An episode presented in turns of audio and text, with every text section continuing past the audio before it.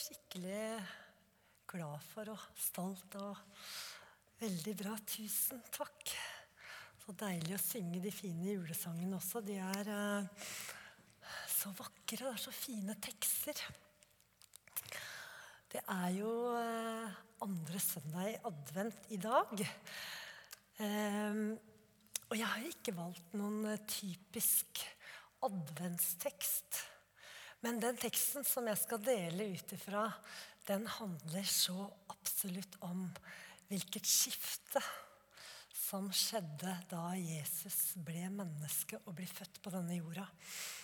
Da barna våre var små, så leste jeg eh, i advent en bok som het 'Natten da stjernene danset av glede'. Og den setningen står jo ikke akkurat i Bibelen, men den illustrerer den enorme gleden i til og med hele skaperverket for den tiden som lå foran når Jesus skulle komme. Hvilke konsekvenser det skulle få for oss. Tenk, Jesus han eh, kom og levde sitt liv som menneske, fylt av Den hellige ånd. Så døde han, og så sto han opp igjen for våre synder. For å være veien, ja, den eneste veien som kunne føre oss inn til Gud, vår far. Tilbake til hans favn. Der vi er skapt til å leve, så sendte han Den hellige ånd, så vi aldri er aleine. Vi har fått den samme hjelperen, Den hellige ånd, som Jesus hadde når han ikke er nede. For at vi heller ikke skulle trenge å jobbe i egen kraft, men ved hans kraft. Så vi hadde det som Jesus hadde, sånn at vi kunne leve som etterfølgere av Jesus i det oppdraget han har for oss. Og vi har jo nettopp denne høsten her på gudstjenestene våre snakket om Den hellige ånd. Vi har hørt fantastisk undervisning om Guds farshjerte i Furusdal. Og så har vi undervist om det å være en disippel av Jesus. Men det sterkeste, tenker jeg for meg, i alt dette, det er hvordan Gud har lagt til rette for meg, så jeg kan leve i en tett relasjon med Han. Og det er jo nettopp den derre tette relasjonen med Jesus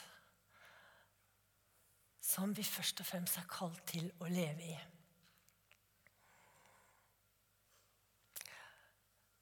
Rammene, strukturene og praksisene som vi har snakka om, det er hjelpere til å føre oss inn i den nære relasjonen med Jesus. Som er en tett kjærlighetsrelasjon der alt liv strømmer fra Han til meg. Og så kan jeg la det livet strømme ut igjen til andre. Derfor har jeg valgt teksten i dag om vintre og greinene fra Johannes 15. Og den teksten den har jeg lest utallige ganger. Men den har på en spesiell måte den høsten her vært til eh, blitt til veldig liv for meg. Og det er jo sånn at når noe blir til eh, liv for deg, så blir det på en måte mer enn teori, mer enn noe du leser. Det blir personlig, og det blir noe du erfarer. Og jeg skal, jeg skal ikke lese, for nå har vi jo kommet såpass langt uti, så, og den er jo for så vidt lang. Det er 17 vers. Men, så jeg tror ikke jeg skal lese alle, men jeg har øh, lyst til å lese noen av de versene. Og der står det i Johannes 15 fra vers 1.: Jeg er det sanne vintre, og min far er vinmonen. Hver gren på meg som ikke bærer frukt, tar han bort, og hver gren som bærer frukt, renser han, så den kan bære mer. Dere er alt rene på grunn av de ordene jeg har talt til dere. Bli i meg, så blir jeg i dere. Slik som greinen ikke kan bære frukt av seg selv, men bare hvis den blir på vintreet. Slik kan heller ikke dere bære frukt hvis dere ikke blir i meg. Jeg er vintreet. Dere er greinene. Den som blir i meg og jeg i ham, bærer mye frukt. For uten meg kan dere ingenting gjøre. Den som ikke blir i meg, blir kasta utenfor som en grein og visner, og greinene blir samlet sammen og kastes på ilden og brenner. Hvis dere blir i meg, og mine ord blir i dere, be da om hva dere vil, og dere skal få det. For ved dette blir min far æret, at dere bærer mye frukt og blir mine disipler. Som far har elsket meg, har jeg elsket dere. Bli i min kjærlighet. Hvis dere holder mine bud, blir dere i min kjærlighet, slik jeg har holdt min fars bud og blir i hans kjærlighet. Og dette har jeg sagt til dere for at min glede kan være i dere, og deres glede skal bli fullkommen. Og dette er mitt bud. Dere skal elske hverandre som jeg har elsket dere. Denne talen her, det er faktisk den siste talen Jesus holder til disiplene før han går til korset. Og Det var tydelig at det her var eh, viktige ting han ønska å fortelle dem om det som lå foran, om det som skulle komme. Så i kapittel 13, etter at Jesus har vaska disiplenes føtter Han er jo annerledeskongen som så forbilledlig bøyer seg ned og vasker disiplenes føtter. Han er en tjener. Så er vi videre i kapittel 14, hvor han trøster dem og sier at, uh, gir dem løfte om at de skal få Den hellige ånd.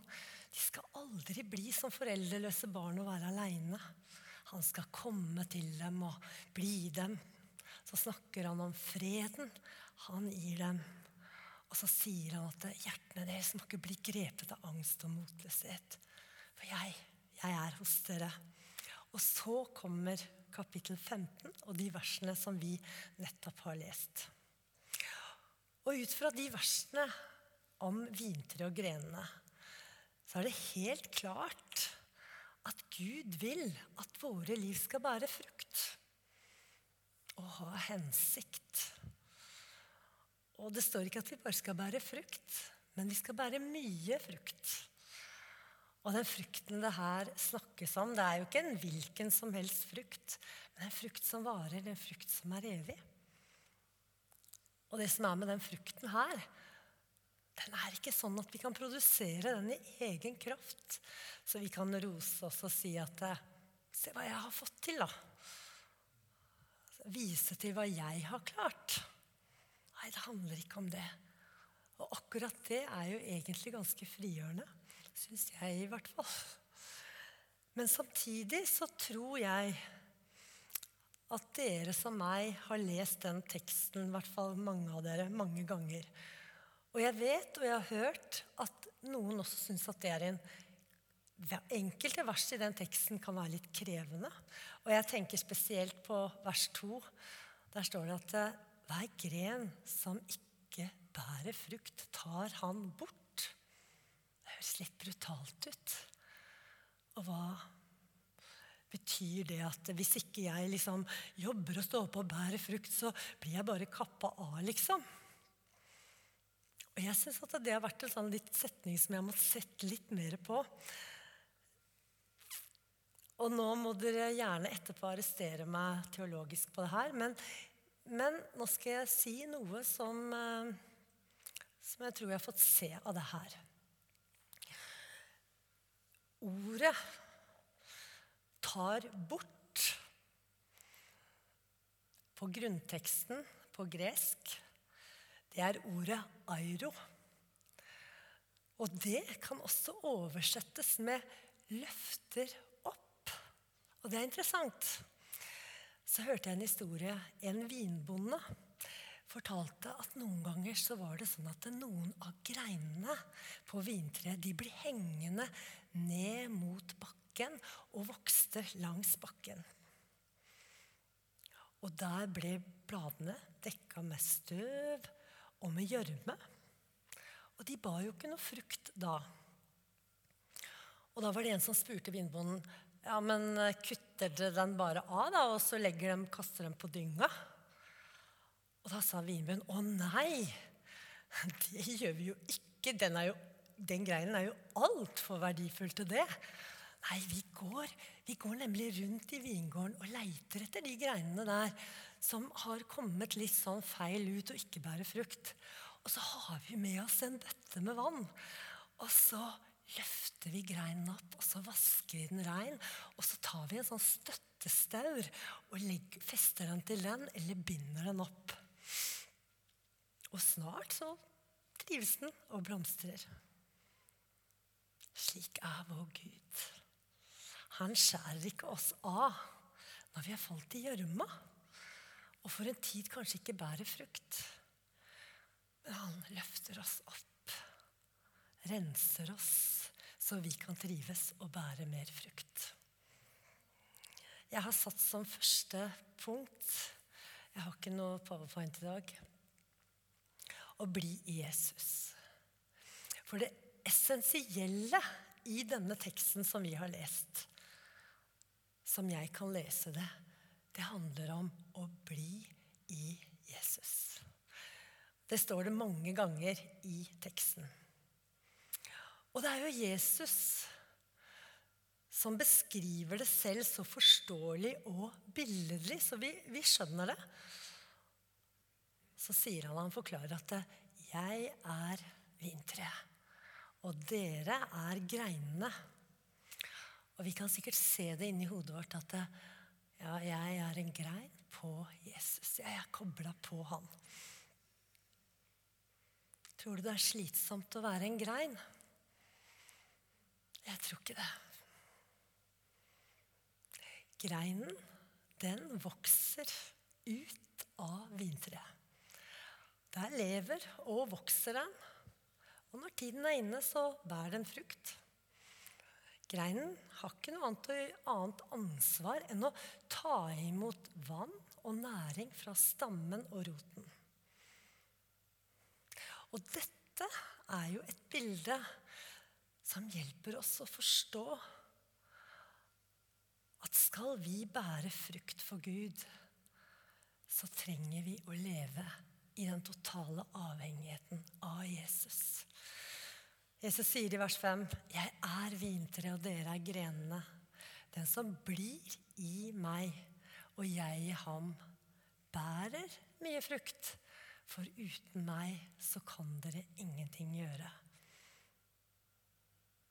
Jeg tror at det å bli Jesus er noe vi kan velge. Og det er vintreet som gjør jobben. Jesus som gjør jobben. For vintreet, det må skyte røttene ut i jorda. Og det må ofte strekke seg langt på leit etter å finne næring og væske. Vintreet gjør jobben, og greinene trenger bare å ta imot sevjen fra vintreet. Og sevjen, vet du hva jeg tror det er? Jeg tror det er et bilde på Den hellige ånd. Som vil fylle deg med det du trenger fra Jesus og sevjen Den hellige ånd, som vi også har fått, som vi leste at Jesus sa at disiplene skulle få, den er også noe som du har fått. Den er i deg, den blir en kilde i deg. Det har vi snakka om før. Og så blir det druer da på vinteret, og så blir det frukt i våre liv. Tenk hvordan den treenige Gud har lagt alt til rette for at du får være en del av den fortsettelsen av det rike Jesus demonstrerte da han levde her nede. De samme fruktene som kom fra Jesu liv, de Gud skal komme fra ditt liv.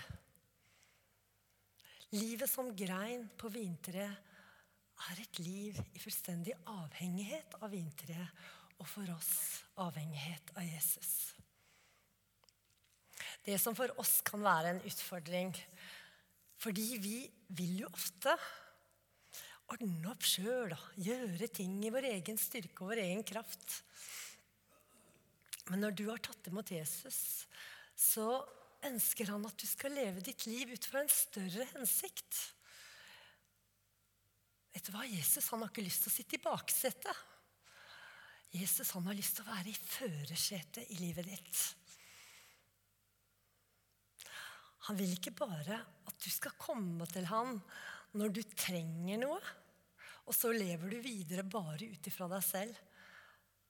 Han ønsker at du skal bli så avhengig av han at du skjønner det Jesus selv sier når han sier 'Uten meg så kan dere ingenting gjøre'. Og det er jo ikke fordi at eh, Gud vil at, ikke Gud vil bruke det han har gitt deg og gaver av talenter. Men jeg tror det er nettopp fordi han ønsker å foredle og forvandle det du er og det du har, så det blir til noe bedre. Så det blir brukt i rett tid, på rett måte, i hans ånd. Så det som kommer fra ditt liv, blir en smak av åndens frukter. Og ikke bare av dine egne kraftanstrengelser. Jeg har tenkt på det at det,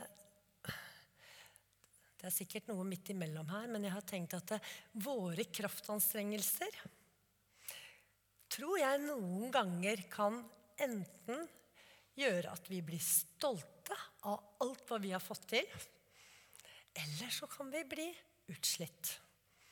Og jeg tror ikke Gud ønsker noen av delene. For han ønsker å føre deg til hvile i ham. Og jeg har satt som punkt to hvilen i Jesus. Og jeg tror ikke den hvilen i Jesus gjør deg lat. Men jeg tror den hjelper deg til å gjøre det du skal. Og jeg tror den kan være med å inspirere. For når du hviler hos Jesus, så blir du stille. Så kan du ta imot, og så kan du høre signaler fra Han. Så det å bli Jesus handler nettopp om det å velge å bruke tid med Han. Jeg tror ikke det betyr at du må sitte i timevis og lese og be, men at du lærer deg til å venne deg til Han, som Håvard så fint nevnte, midt i hverdagen, midt i en skolesituasjon hvor musikken var høy. Så bare liksom vende Det er det jeg tror handler om å bli til Han. Og så var det så, så nydelig når du da fortalte at så kom det nesten som et kyss fra himmelen med den lovsangen. Og jeg tenker Det er sånn jeg tror livet vårt også er ment å pulsere og leve med Jesus.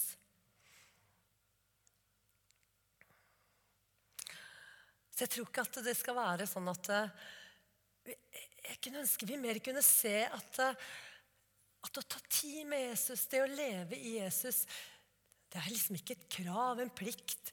Men det er et privilegium. Jesus han vil være din venn. Hvor stort er ikke det? Derfor så syns jeg noen ganger at det er litt vanskelig å forstå på en måte at Jeg hører folk sier at jeg får så dårlig samvittighet når du snakker om at vi må lese, lese Bibelen og, og, og be. Og det blir liksom enda flere krav og mer jeg må gjøre. Og så har jeg liksom veldig lyst til å bare snu det på hodet og, tenke, og si at hva er det som gjør at vi, vi, tenker sånn? Når Gud, som er alfa og omega, himmelens og jordens skaper, han er Guden som elsker. Han vil leve i oss og gjennom oss, og han vil oss egentlig bare vel.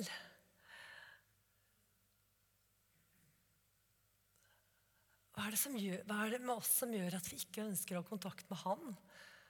Det er ingen annen som vil oss så godt, og som kjenner oss, og som kan gjøre oss til de menneskene vi egentlig ønsker å være.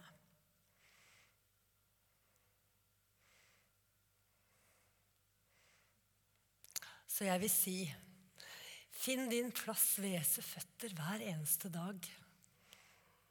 Og nyt den fred og den hvile som kommer av å vite at han vil, han vil bære deg, han vil hjelpe deg, han vil leve gjennom deg. Og da snakker jeg ikke bare om følelser. Uavhengig av følelser. Jeg tror det er en sannhet Og jeg tror det var dette Maria hadde skjønt, i motsetning til søsteren sin Martha. Maria satt ved Jesu føtter og lyttet til hans ord. Og Jesus han berømmer henne og sier at Maria, du har valgt en god del. Mens Martha hun lever ut ifra sin egen kraft. og Hun blir sliten, og hun blir sur, og det er mye å gjøre, og det er mange behov. og og det fører jo rett og slett til at hun blir sur og irritert både på Jesus og på Maria. Maria var ikke lat, men hun prioriterte rett.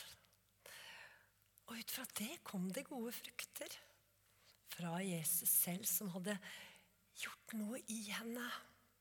Og da Jesus skulle dø, så er det hun som gir alt hun hadde, da hun salva Jesu føtter med nardussalve før korsfestelsen. Og det var alt du hadde. Det var flere årslønner. Og Jeg tror ikke det var noe plikt for Maria å gjøre det. Det var gjort av kjærlighet til Jesus som et gjensvar, som en frukt av den relasjonen hun hadde fått oppleve hos Jesus. Alt hva han hadde gitt henne, det førte til at hun ville øse tilbake til han. Å hvile tror jeg betyr nettopp det å overlate oss til Gud og la Han være i førersetet. Og er det ikke det Jesus nettopp inviterer oss til? Denne hvilen hos seg. I Matteus 11, 28-30 så står det jo Kom til meg, dere som strever og bærer tunge byrder, og jeg vil gi dere hvile. Ta mitt åk på dere og lær av meg, for jeg er mild og ydmyk av hjerte. Så skal dere finne hvile for deres sjel. For mitt åk er godt, og min byrde er lett. Hva er det vi kan lære av Jesus? Jeg tror nettopp det var det at han var så overlatt til far. Han var så overlatt til Gud. Og så står det et annet til Jesus. Han gjorde det far ba han om å gjøre. Og jeg tror at da kan vi både være effektive, glade og akseptere når vi må hvile. For vi gjør det vi skal. Og vi trenger heller ikke sammenligne oss med andre, hva andre gjør. Vi er jo så forskjellige. Men jeg tror vi skal være tro mot den greinen vi er. Være tro mot det vi skal gjøre.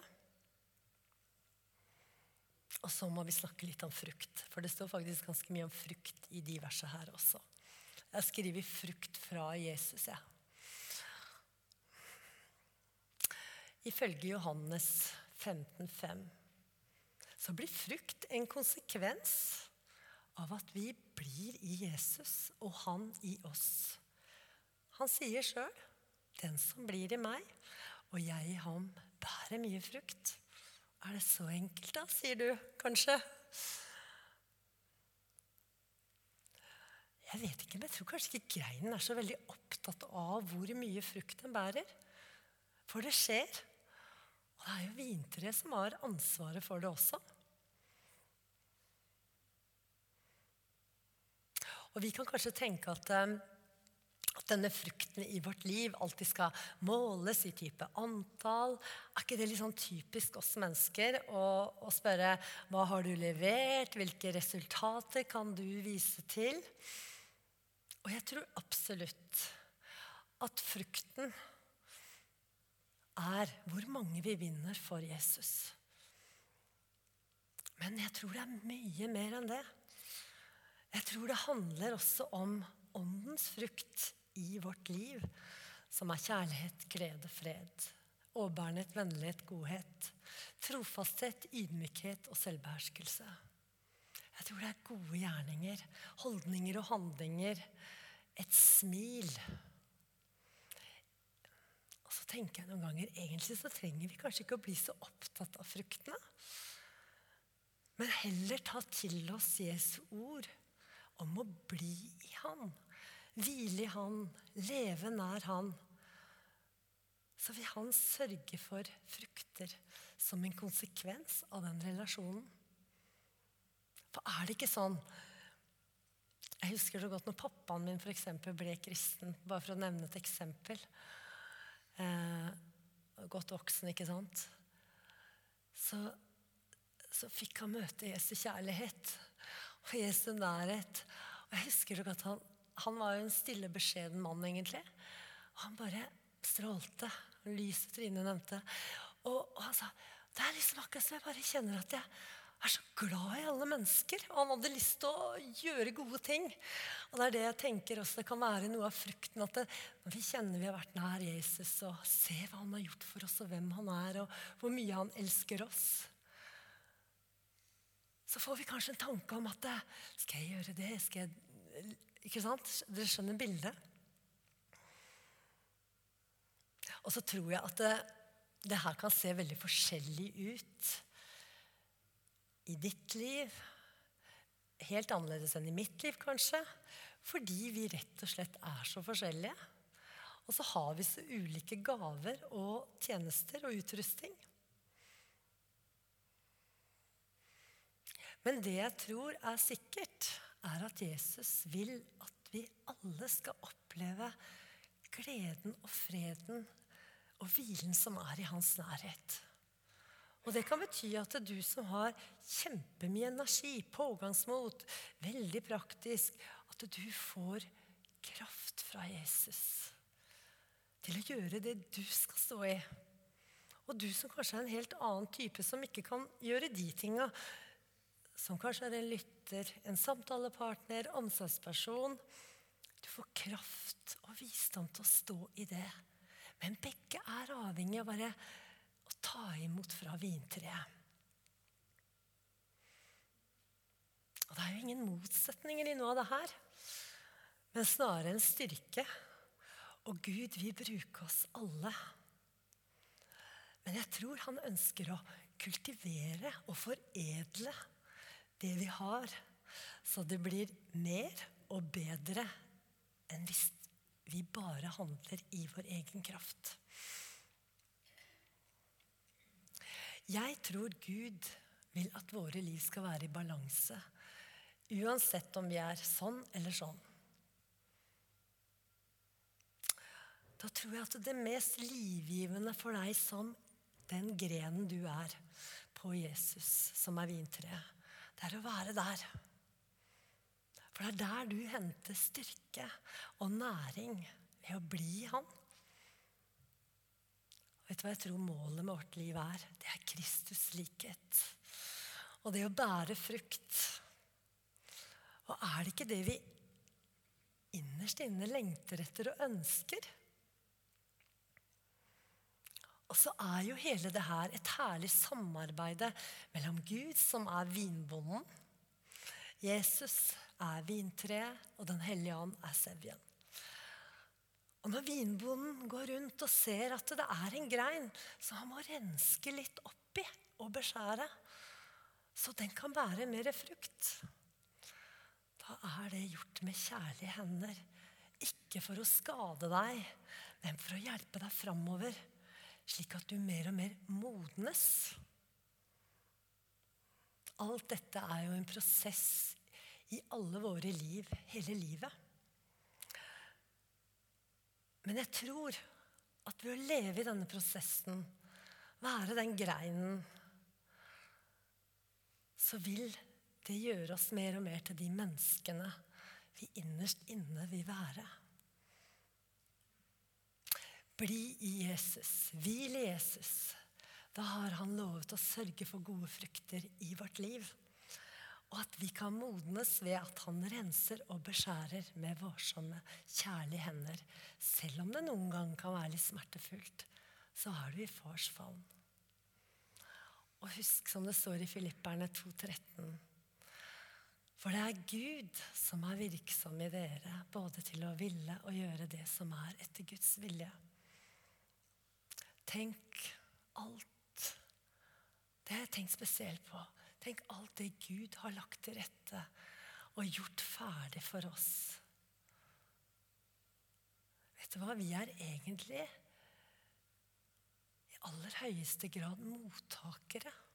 Vi er først mottakere, av Guds store nåde. Og det handler for oss om å åpne oss. Våge å åpne oss og ta imot fra Han. Kjære Jesus, jeg takker deg, for du er bare god. Takk at du er kjærlighet. Og takk at det er ikke noen klisjé eller et ord vi bare slenger ut, men det er en sannhet. Bibelen snakker fra første blad til siste blad om at du er kjærlighet. At du lengter etter å vise oss i fullhet hvem du er. At du vil åpne øynene våre, Herre, så vi mer og mer skjønner den plassen vi har hos deg som dine sønner og døtre, Herre. Sånn at vi, Herre, fri for skyld og skam, kan gå ut og være lys, være den kjærligheten, være de fruktene som menneskene rundt oss trenger, Herre. Så takker vi deg, Jesus, for at vi, vi klarer ikke det på egen hånd. For uten deg så kan vi ikke gjøre de tinga her. Men du deler så rikelig til oss, Herre. Og du kommer med hjelp, du kommer med styrke, du kommer med rettledning. Fordi du ønsker å forme oss lik deg, Herre. Du som er kroneksempelet, Herre. Å, Jesus, vi er så takknemlige til deg. Og vi vil hylle deg i dag, Herre, for din død og din oppstandelse, for at du kom, ble menneske, og at du lever i oss ved din ånd, Herre. Og du er så nær oss som vår egen pust. Amen.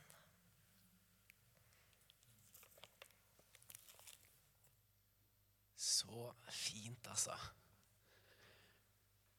Det å bli Jesus, det er jo det alt handler om, rett og slett. Men så blir jo spørsmålet hvordan i all verden blir vi Jesus? Det høres jo ofte veldig abstrakt ut. Og da tror jeg at de kristne praksisene, sånn som nattverd og sånn som vi har snakka litt om i høst, og disippelskapspraksisene, de kan hjelpe oss. Og jeg tror nattverd kan være sånn derre staur, et sånt tau som kan binde oss litt opp. Vi kan få lov til å motta fra Jesus. Fordi nattverd, det peker både tilbake og framover. Det peker tilbake på hva Jesus har gjort for oss. Det han gjorde på korset da han døde og sto opp for våre synder og til et nytt liv. Men det peker også framover til den bankettfesten som på en måte ble beskrevet i himmelen. Og når Jesus gikk rundt på jorda, så sa han overalt når han gjorde eller forkynte eller helbreda syke osv., så, videre, så sa han Guds rike er kommet nær.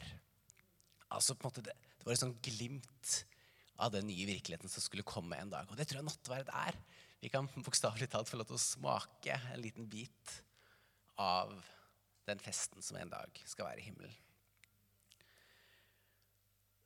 Og jeg er generelt veldig glad i konkreter.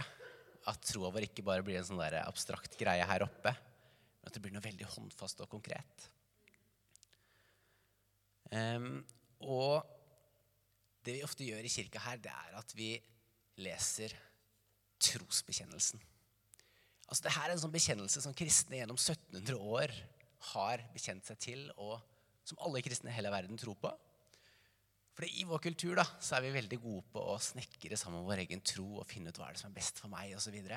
Men det å koble seg på noe som er konstant, Guds ord, og også de høngamle bekjennelsene, så kan ikke vi reise oss opp og så bekjenner vi vår felles tro. Så kommer det opp på skjermen hvert øyeblikk, tenker jeg. Jeg tror på Gud Fader, den allmektige, himmelens og jordens skaper. Jeg tror på Jesus Kristus, Guds enbårne sønn, vår Herre, som ble unnfanget ved Den hellige ånd, født av jomfru Maria, pint under Pontius Pilatus, korsfestet, død og begravet, for ned til dødsriket, sto opp fra de døde tredje dag, for opp til himmelen, sitter ved Guds den allmektige Faders høyre hånd, skal derfra komme igjen for å dømme levende og døde. Jeg tror på Den hellige ånd, en hellig, allmenn kirke, de hellige samfunn, syndenes forlatelse, legemets oppstandelse og det evige liv. Amen. Og ofte skal man tenke på hvem kan jeg ta nattverd, f.eks. For, for nattverd det er et åpent bord for alle som tror på Jesus, som kan faktisk bekjenne seg til det vi akkurat har bekjent. Hvis du kan stå inne for det, så er du veldig velkommen. Og så skal jeg lese innstiftelsesordene. For jeg har mottatt fra Herren det jeg også har gitt videre til dere. I den natt da Herren Jesus ble forrådt, tok han et brød, takket, brøt det og sa, 'Dette er min kropp, som er for dere. Gjør dette til minne om meg.' På samme måte tok han begeret etter måltidet og sa, 'Dette begeret er den nye pakt i mitt blod.' Hver gang dere drikker av det, gjør det til minne om meg. For hver gang dere spiser dette brødet og drikker av begeret, forkynner dere Herrens død til han kommer. Jesus, takk for det du har gjort for oss, at vi kan få lov til å komme til ditt bord, at du har gjort alt ferdig, at vi kan få lov til å stå med åpne armer og motta. I ditt navn, Jesus. Amen.